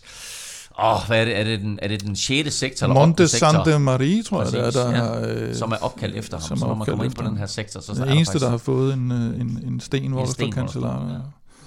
Jeg tager øh, France ud. France, ja tak. Kan du nævne hvem? Øh, blandt andet eller Philippe. Øh, jeg er lidt i tvivl om Bardet, han også vandt. Nej, han blev jo kun to. Han blev to ikke? ja, det er rigtigt, med efter Benot. Øh, men Julian Alaphilippe vandt i 2019, hvor ham og Fuglsang jo Fuglsang. battlede hele foråret der. Det er fedt, øh, den havde jeg slet ikke, så den, øh, Super. Ja, Stefan. Hvad har du så? men jeg tror, du er doomed nu, fordi at, øh, du begynder at lægge puslespillet for mig. Ja. Øh, Polen. Polen, ja tak. Og der kan der kun være en. Kwiatkowski. Korrekt. To gange endda. Så siger jeg Sverige. Sverige, den er god, men måske lidt for tidligt, at du hiver den frem. Var det ikke en joker? Ja, jeg synes, Stefan kan huske den fra sidste år, tror Nå, jeg. kan det? Okay, hvem, hvem? har vi. Øh, Markus Ljungqvist? Nej. Nej, Thomas Løvqvist. Nå, nå, nå, okay. Jeg driller bare. okay. Lad os så se. Skal du have lov til at blære dig? Hvilket år? Åh, oh, Nej, det. To- 2009. Nå. Godt. Jamen, der er tre tilbage. ja. Øhm, vi skal en tur til Tjekkiet. Og hvem er det? Stibar. Det er fuldstændig rigtigt. I 2015. Det var sagen. Så siger jeg Rusland. Okay. Ja, er det nu en nation, eller er det Ja, ikke jeg en ved nation? heller ikke. Men dengang var det i hvert fald. Prøv at høre. Alexander Kolobnev Kolobnev, ja. vandt den Kolobnev, allerførste udgave. Var Markus Ljungqvist ikke på podiet den, tror jeg faktisk? Det er ikke umuligt. For at, men øh, øh, så- den her første udgave i 2007. Den gik Så er det til- bare den sidste, den gik til Stefan. russer. Kan du den sidste, Stefan? Det kan jeg faktisk. Ja. Det er øh, Kazakhstan. Det er vildt. Og kan du navnet også? Det er Maxim Iglinski. Wow. Prøv at høre. I er, Og du havde ikke øvet dig på det- den her? I er Ja, benhårde. du, du, får nævnt, du får nævnt to, som jeg ikke har på min liste i hvert fald. Men det, altså, øh, det ender sådan er simpelthen, gamet det jo. ender simpelthen med, at I kan alle 12. I første hug. Jeg er men- dybt imponeret. Men der ryger Stefans point jo så på, at han ikke kunne nævne Moreno Moser. Ikke? Fordi nu Jo, var det en last man standing på nationer, og jeg tildeler jer simpelthen et point hver. Vi har nævnt alle de andre vinder. Så øh, ja, det er ikke løgn. Men, men øh, prøv, I får et point hver, og derfor så... Øh, kunne, du, jeg, al- kunne du alle mine? jeg er dybt, dybt imponeret. Havde du jeg alle kan sige, 12? hvad jeg har stående til sidst. Nå. Hvad står der til sidst? Kazakhstan. Hvad står der til Var det din trumf, eller hvad? Kazakhstan. Kazakhstan. Du skulle have, hvis du Nå, havde trumpet med 4-3 Frankrig, så havde du vundet. Til, havde til Kim, I får en, øh, en ny chance i næste uge, hvor vi er tilbage, og der kender vi vinderen af Strade Bianche, og selvfølgelig taler vi også meget mere om, om øh, de her to store etabeløb. Hvis du vil vinde en Vel Europa Cup, og altså nu også en dunk og en kasket, så hop ind og støt os på øh, tier.dk, og ved du ikke, hvad du skal lytte til nu, må jeg så anbefale NFL-showet, hvor undertegnet sammen med Thomas Kvartrup hver uge gennemgår NFL-sæsonen.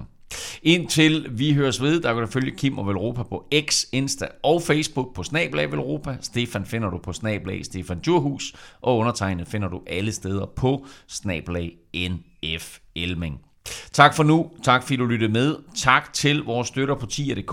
Uden jer, ingen Velropa podcast. Og naturligvis tak til vores partner HelloFresh. Støt dem, de støtter os. Arrivederci. Bye.